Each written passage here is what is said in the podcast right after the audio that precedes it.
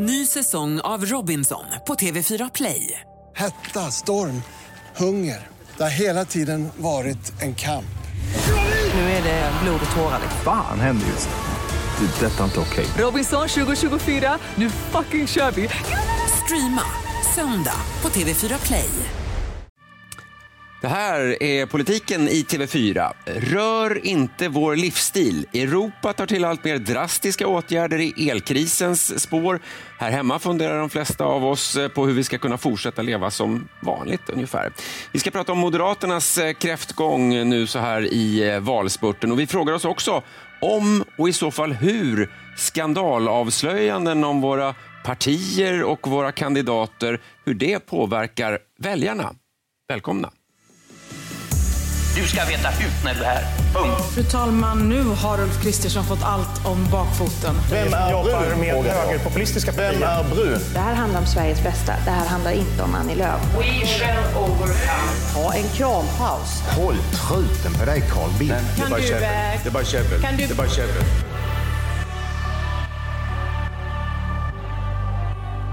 Inte bara käbbel, politiken är fyra. Varmt välkomna in till poddstudion. Ann Tiberg sitter här och Jens B Nordström, TV4s eh, rutinerade politikkommentatorer som jobbar så det bara eh, brinner om det. Om ni har synpunkter och idéer vad vi ska prata om, mejla oss gärna. Ni ser mejladressen om ni tittar på TV4 Play. Annars så kan jag berätta att det är inte bara tjabbel, snabel tv4.se.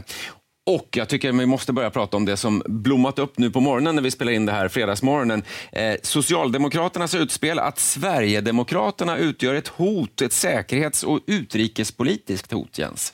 Nej, men det är eh, Anders Ygeman och Peter Hultqvist, två ministrar i socialdemokratin, har haft en eh, pressträff här på morgonen där man då har sagt att eh, det finns ett antal saker som man oroar sig över att, hur Sverigedemokraterna kommer att påverkas om de hamnar i eh, maktställning. Och det man tar upp är dels hur man har röstat i EU-parlamentet eh, och sen så tar man också upp eh, att eh, Jimmy Åkesson har uttryckt ett intresse av utnämningsmakten och det menar man på att eh, nationalkonservativa partier har utnyttjat i andra länder.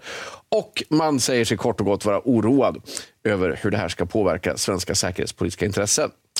Det här har ju fått Sverigedemokraterna att gå i taket. Eh, Jimmy Åkesson pratar om bananrepublik och diktaturfasoner. Och man kan väl säga att Socialdemokraterna vet ju om vad de gör när det här Det här vrider upp temperaturen i valrörelsen rejält. Och både liksom riktat mot SD men också mot eh, moderatledaren. Ja, men man kan ju säga så att det här är ju lite grann också ett sätt att visa att nu agerar man utifrån att eh, Sverigedemokraterna har varit störst i flera mätningar. Eh, och lite grann så sätter det kortbyxor på Ulf Kristersson. Men också sätter det honom lite grann på pottkanten också. att Eh, han ska ju försöka bilda en regering med hjälp av ett stöd från Sverigedemokraterna.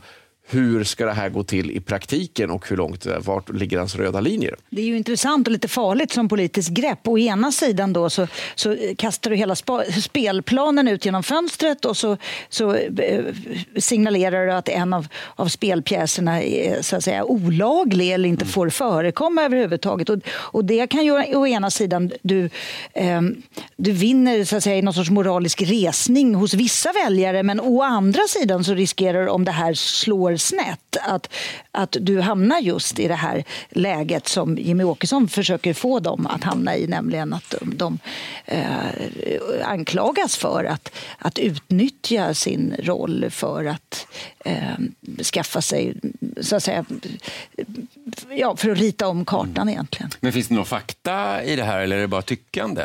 Det finns fakta, men man kan säga att det är ingenting nytt som eh, socialdemokratin presenterade här igår. Dels var det ju en skandal där en eh, partiarbetare på Sverigedemokraternas kansli bjöd in för att fira eh, den tyska invasionen av Polen i ett sällsynt illa formulerat mejl får man väl säga. Ja, och, och, om man läser det där mejlet vill jag tillägga så är det ju lite tvivel, kan man ju fundera på vad det egentligen handlar om eftersom eh, han pratar om att fira terrorbombningen. Det verkar lite mer som att eh, det verkar lite mer tvetydigt än vad det låter som ytligt sett. Kommer det här fortsätta eh, eller har vi bara sett början på det eller är det över?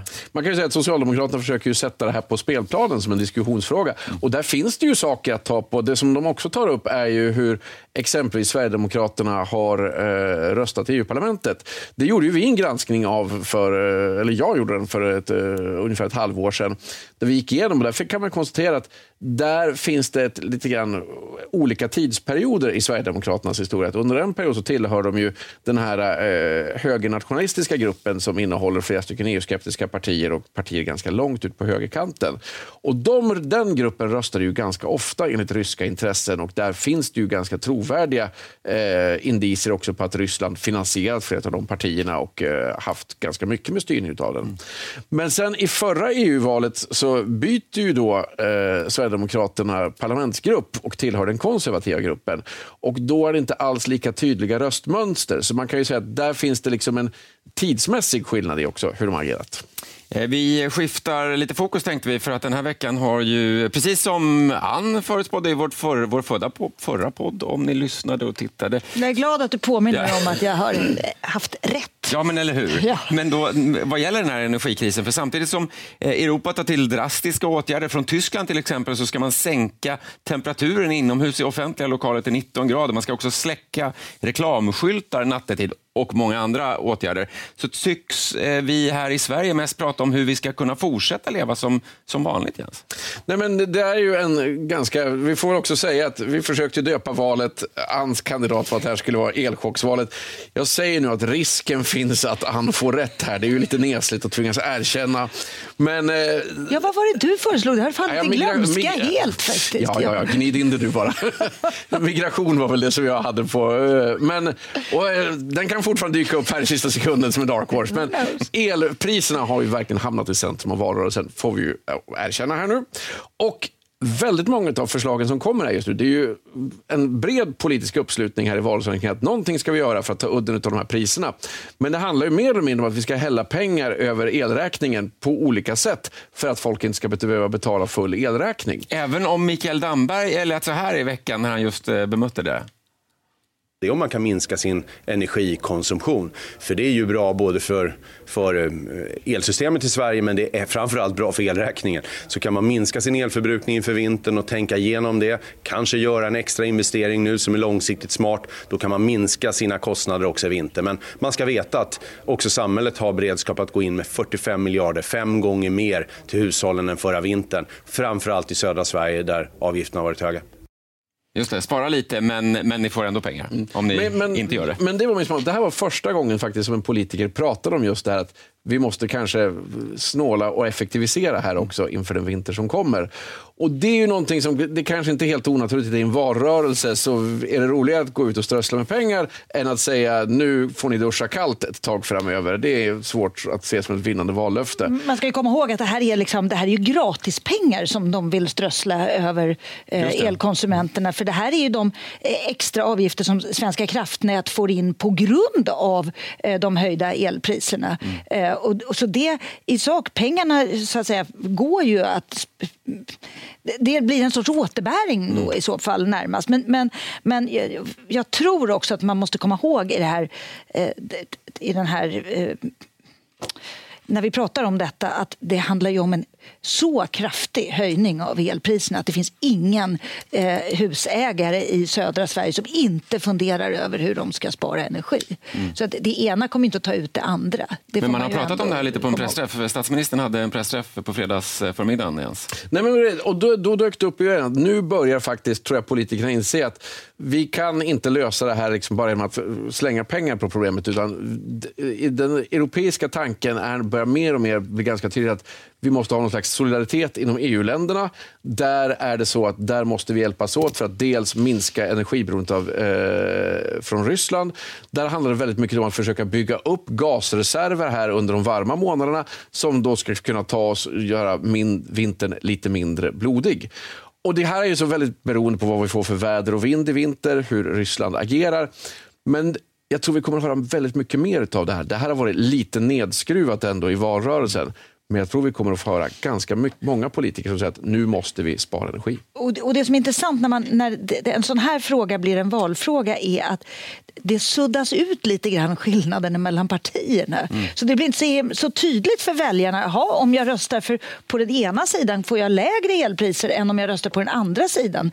Eh, och det är ju, eh, den, frågan desarmeras också på samma gång när man gör på det här sättet. Och det är ju lite intressant. Men bara det som är ganska intressant är att man snor ju förslag hej vilt från varandra. För det är inte så ideologiskt drivet. Utan alla liksom tittar lite grann och säger, de hade sånt. Ja, men vet du vad, vi formulerar om det här lite grann och så gör vi en annan rubrik. Och så är det här vårt förslag imorgon. Mm. Moderaterna ringde och var ju vansinniga när regeringen kom och skulle använda de här flaskhalsavgifterna och sa, det här har vi föreslagit jättemånga gånger. Nu är det regeringens förslag. Och, eh, de, så det finns ju liksom desarmering. en desarmering väldigt mycket. Får jag bara fråga, för vi har haft en del eh, kriser, pandemier, kriget i Ukraina. Det var ett tag vi hamstrade toalettpapper, något annat när vi hamstrade mat. Där hade vi en krismedvetenhet. Varför, eh, eller vilket ansvar har politikerna att faktiskt få oss att använda mindre energi, att faktiskt bidra då? För det verkar ju inte riktigt som att vi är där just nu, eller? Nej, och lyssnar man på ekonomerna eh, som Lars Calmfors är ju ute nu nästan dagligen och eh, förmanar politikerna att eh, ska man betala tillbaka till elkonsumenter så belöna inte de som förbrukar mest. Eh, och då skulle man kunna låna ett blad ur något annat lands eh, elpaket, till exempel Finland som ju ser på helt andra modeller för att skydda de som drabbas eh, hårdast. Det vill säga till exempel att eh, ge riktade stöd till barnfamiljer eller vad det kan vara. Men, men det som jag tror vi kommer att se också efter valrörelsen, det är att, och kanske framförallt om det blir väldigt tufft och en kall vinter, då kommer det handla väldigt mycket om vilket exempel sätter våra politiker. Man har ju redan i Tyskland pratat om hur duschar Olaf Scholz? Och det är ju inte en fråga som jag tror att många tyskar tänkte att det skulle vi ägna mycket tid åt. Men jag tror vi kommer kanske att se samma sak här också. Att helt plötsligt så kommer Magdalena Andersson att föregå med gott exempel och bada isvak väldigt mycket i vinter. Eller Granskningsidé. Vi kunde begära ut elräkningarna för Sagerska palatset. Ja, precis. Hur mycket, hur mycket ofta går jacuzzin där? Just det. Ny säsong av Robinson på TV4 Play. Hetta, storm, hunger. Det har hela tiden varit en kamp. Nu är det blod och tårar. Fan händer just det. det detta är inte okej. Okay. Robinson 2024, nu fucking kör vi. Streama söndag på TV4 Play. Ett poddtips från Podplay. I fallen jag aldrig glömmer djupdyker Hasse Aro i arbetet bakom några av Sveriges mest uppseendeväckande brottsutredningar går vi in med hemlig telefonavlyssning och, och då upplever vi att vi får en total förändring av hans beteende. Vad är det som händer nu? Vem är det som läcker? Och så säger han att jag är kriminell, jag har varit kriminell i hela mitt liv men att mörda ett barn, där går min gräns. Nya säsongen av Fallen jag aldrig glömmer på Podplay. Inte bara käbbel, politiken i TV4 där vi konstaterar att det går upp och ner, eller vi gör det, och partierna gör det också lite krasst, eh, apropå då opinionsundersökningar som duggar tätt. Moderaterna, Ann, har haft eh, kräftgång senaste veckan. Eh, vad är din analys av hur partierna har det och påverkas av det här? Ja, det blir ju en väldig... Det finns två sätt ska vi säga, som man reagerar på när man har svaga siffror. Det ena är eh, att, folk blir nedslagna och oroliga. Det andra är det måste vara något fel på siffrorna. Eh, det finns också ett, ett, tredje sätt och det är att säga som Ulf eh, Kristersson säger när han blir intervjuad av TV4. Läser du opinionsundersökningar? Aldrig någonsin. det måste vara lite ljug eller? Nej, allvarligt talat gör jag faktiskt inte det. Därför att om man skulle ägna sig åt opinionsmätningar i en valrörelse då har man inte tid med någonting annat. Eh, om 13 dagar kommer den riktiga mätningen. Då kommer valresultatet. Det är det som gäller. Eh, och min uppgift är att vinna väljare för den förändring av Sverige som vi tycker är nödvändig så vi kan krossa kriminaliteten och lösa elkrisen. Då kan man inte ägna sina dagar till att läsa opinionsmätningar. Sa han inte precis så för en vecka sedan också? Ja, varje, varje vecka kommer vi att spela upp de här citaten med Ulf Kristersson med hans reaktioner på opinionsmätningar. Eh, man ska ju säga att... Eh, Tror du på honom? Nej. Eh, däremot däremot så, så, kanske han rent... Ibland kan ju det vara rent bokstavligt så att han inte läser opinionsmätningar men han kanske får dem upplästa för sig. Ja, ja du menar... Ja, ja, okej. Okay. Just det, på den så sättet. att han kanske inte ljuger. Men varför, varför, varför ser det ut som det gör på, på, på om vi pratar om den sidan av politiken då, där Sverigedemokraterna har gått starkt i, i många opinionsundersökningar. Socialdemokraterna har också tufft på sin sida i opinionen. Eh, så att det, är, eh, ja, det är tufft på många håll. Eller? Ja, man kan säga så här att, att eh, eh, Moderaterna eh, har ju på riktigt ifrågasatt mätningarna när de var nere på runt 15,6, 15,4 eller var de låg någonstans. Eh, det vet jag att de har diskuterat. Men det stora problemet för Moderaterna, eh, det försöker de spela bort, nämligen att Sverigedemokraterna som det ser ut nu kan bli större än Moderaterna i en, ett valresultat och hur de ska hantera det. Och det lingot som man använder nu, det är inte längre att det, det, är inte att det spelar någon roll att eh, Sverigedemokraterna blir större än Moderaterna men om de skulle, att de inte blir större än Moderaterna och KD tillsammans. Eh, det är den nya eh, linjen här. Eh, och, och, om man är tvungen att kasta den eh, förhoppningen i sjön mm. också då, då kanske man får börja fundera på eh, gå tillbaka till ritbordet kring den här regeringen. Men där är man inte än. Men om vi leker med fantasin, att vara statsminister men inte ha majoritet på den sidan, så att säga. alltså att SD skulle vara större än M, men eh, man, man, har ändå en majoritet i riksdagen och det blir moderatledaren som, som får ta statsministerposten. Hur påverkas man när man ska leda landet när man ändå inte är störst i liksom, sitt regeringsunderlag? Jo, men då har de en lång lista med personer som inte eh, är, är, leder det största partiet och ändå eh, har eh, regeringspositionen. Och då, I det här läget skulle jag då räkna upp den listan och det eh, kan jag inte för jag kommer inte ihåg de partierna så vi släpper den där. Ja, men jag, jag förstår eh, idén i alla fall. Men, men, men sen så är det så här, jag tror också att det tror jag inte är det som oroar moderater mest när man pratar med dem just nu. Det är väl lite grann så att vi har fått ganska mycket av det vi ville i valrörelsen. Det har handlat om våra frågor. Vi har fått mycket lag och ordning, vi har haft mycket migration, vi har haft mycket av det vi ville. Varför lyfter vi inte i opinionen? Mm. Och det är så här, om man hade pratat med moderater för två, tre veckor sedan så sa ju alla bara att frid och fröjd och Ulf Kristersson är den bästa ledaren vi haft. Nu knorras det helt plötsligt lite grann och man är lite, ja, inte öppet, men mellan skål och vägg. Mm. Mycket mycket skeptisk till att ja, varför får han inte utdelningar? Men kan det bli partiledarbyten efter valet eh, med det sagt?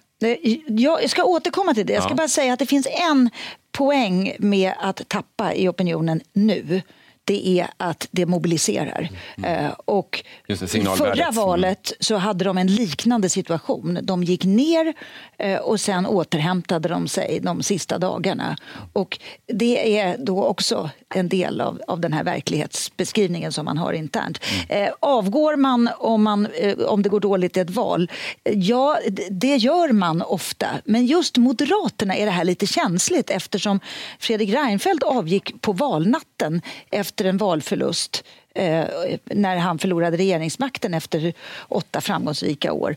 Det eh, skadade partiet rätt mycket, den där snabba avgången. Mm. Eh, för då hade ni, som ni minns, den här väldigt långa eh, problemen med talmansrunder och det slutade till sist med att, att Anna Kinberg Batra mer eller mindre tvingades in i den här decemberöverenskommelsen mm. som de var väldigt obekväma med. Ehm, så att någon omedelbar avgång kanske det inte blir. Men det behöver inte betyda att det inte blir en avgång. Men om du ska gissa, hur pass dåliga opinionssiffror eller hur pass dåligt valresultat kan Ulf Kristersson komma undan med? Eh, Bo Lundgren 2002 eh, fick 15,29 tror jag eh, i det valet. Och lyckades klamra sig fast i ytterligare ett halvår vid makten. Det var en enorm... Det som händer efter en så stor valförlust det är att man får eh, säga upp personal, man får ju mycket mindre pengar, folk får inga riksdagsplatser, kommuner, landsting, regioner, eh, massor med förtroendevalda tappar sin sin försörjning mm. faktiskt. Um, och i det läget var de tvungna att, att typ eh, börja hyra ut lokaler i sitt partihögkvarter för att överleva. Eh, det blev ingen julmiddag utan bara, bara bullar. Eh, bara som ett exempel. Då. Mm. Och vad Lundgren gjorde då, då var man så chockskadad initialt av allt det här.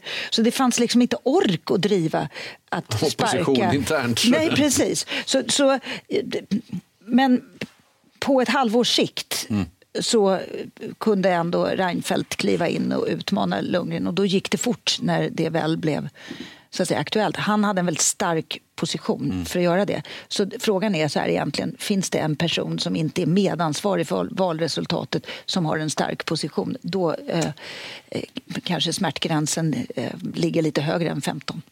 Eh, får jag hålla kvar vid just eh, när vi pratar om avgångar? För att eh, om man får ett dåligt valresultat så kan det ju ske så. Om man får en skandal så kan man ju också välja att avgå. Man gör ju inte alltid det, men hur immuna är partierna mot eh, skandaler? SD har väl varit det traditionellt. Eh, Kalla fakta till exempel, de här avslöjandet om partibidrag. Det var ju många partier som var inblandade där. Vi har hört om eh, medlemmar i riksdagspartier som kandiderar och gett uttryck för nazism eller högerextremism, om man kopplas till kriminella mc-gäng, eh, ärenden hos Kronofogden. Det, det är ju ganska mycket där. Var Jens, skulle du säga, var, när börjar det liksom märkas i valurnorna en sån här skandal? Är det, är det bara SD eller är det fler som har tagit det här vaccinet? Nej, men alltså, det finns ju, politiska partier har ju alla det gemensamt att de gärna vill försöka sopa någonting under mattan.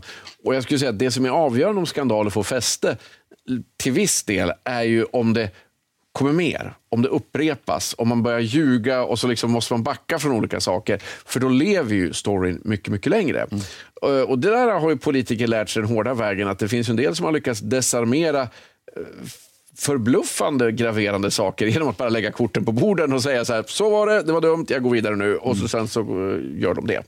Och så finns det ju andra som har stupat på ganska små saker, men just för att man börjar ljuga, man nystar in sig i saker som man sen måste backa ifrån och helt plötsligt liksom lever den här storyn sitt eget liv och får verkligen fart. Mm. Så det är ju det som jag skulle säga är den avgörande frågan förtroendebranschen helt enkelt. Vad säger du Ann? Eh, en del avslöjanden eh, avfärdar ju också andra partier rätt snabbt. Ju, eller hur? Jag hade en journalistkollega en gång som, som eh, skrev en hel artikel om eh, politiker som hade husbok om man har husbock så, eh, så blir det, så att säga, då är redan, man är redan undergrävd. Så då är det mycket större risk att man tvingas avgå. Det var ett ganska roligt sätt att se på det. Mm. För man, man, man, får verkligen den bilden i huvudet. Mm. Men eh, vi kan ju ta Gunnar Strömmer till exempel, Moderaternas partisekreterare som ju i den här Kalla faktas avslöjande eh, ändå visade sig villig att delta med kreativa lösningar och sen gjorde den mest märkliga pudel jag hört någon gång han har ju klarat sig väl mm. därför att det var ändå en pudel, mm. om än väldigt inlindad. Men, och, och, min fråga är ju någonstans här, alla de här avslöjandena, det låter ju när man hör om dem väldigt allvarligt, men påverkar det väljarna i slutändan? Påverkar det förtroendet? Eller blåser över. Det är ändå så mycket stormar att man knappt hinner fånga upp det här och uppmärksamma det.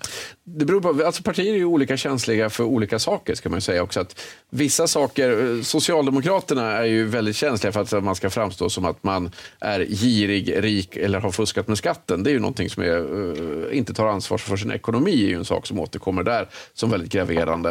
Eh, anledningen till att vi pratar om det här är ju att Acta Publica gjorde en publikation där man har gått igenom flera stycken folkvalda och kopplat dem till extremism på nätet, hatkonton och mm. liknande. MC-gäng MC-gäng mm. också. Och där var det ju väldigt många sverigedemokrater som dök upp. Där kan man säga att där finns det ju en immunitet att eh, Sverigedemokraterna har ju haft så många politiker som har påkommits med att sitta och säga olämpliga saker på nätet. Så att det är nästan så att deras väljare förväntade sig det. Ska jag säga. Mm. Ja, och att väljarna också... Eh, det blir någon sorts eh, ställningskrig närmast mellan medierna och Eh, det partiet i det läget därför att många av väljarna tror inte på vad som står i media och tänker nej det här är inte riktigt och man läser kanske inte så noga och man tar inte riktigt del av det. Eh, så att den, just vad det gäller Sverigedemokraterna har ju de blivit nästan lite mer immuna mot avslöjanden än vad andra har blivit. Tror ni nu då när vi går in i den här sista eh, veckan eh, innan valet att vi får se mer? Vi trodde ju när Socialdemokraterna eh, gjorde det här utspelet mot Sverigedemokraterna att, att det fanns massa fakta som var okända där. Eh, kan det komma, nu var det kanske inte riktigt så om det var en del gammal skåpmat som du sa också Jens, men kan det komma avslöjanden eh, vältajmade inför eh, valdagen som kan eh, förändra spelplanen? Absolut, det, det brukar det göra. Eh, men det, det, här är ju en sån där X-faktor. Mm. Och där ska man också säga att partier drömmer alltid om detta, men partier är oftast inte särskilt skickliga journalister, så att de är oftast inte så bra på att gräva fram det här. Och eh, redaktioner drömmer ju ofta om ett stort eh, augustiavslöjande. Men jag skulle säga att eh, om vi ska bara ta vanlig redaktionslogik. Det finns ingen redaktion som sitter och väntar med det så här länge om man har förberett det. Det har man kört ut i det här, Mm. Jag laget skulle säga så här, just valet 2002, ett skäl till att det gick så dåligt för Bo Lundgren, det var ju det så kallade valstugereportaget där Uppdrag granskning hade gått med dold kamera och frågat eh, politiker i valstugorna vad de tyckte om invandring och fått extremt eh, närmast rasistiska kommentarer från eh, framförallt moderater. Mm, Och det drabbade ju Moderaternas siffror hårt. Och det var inte långt före valet som den publicerades.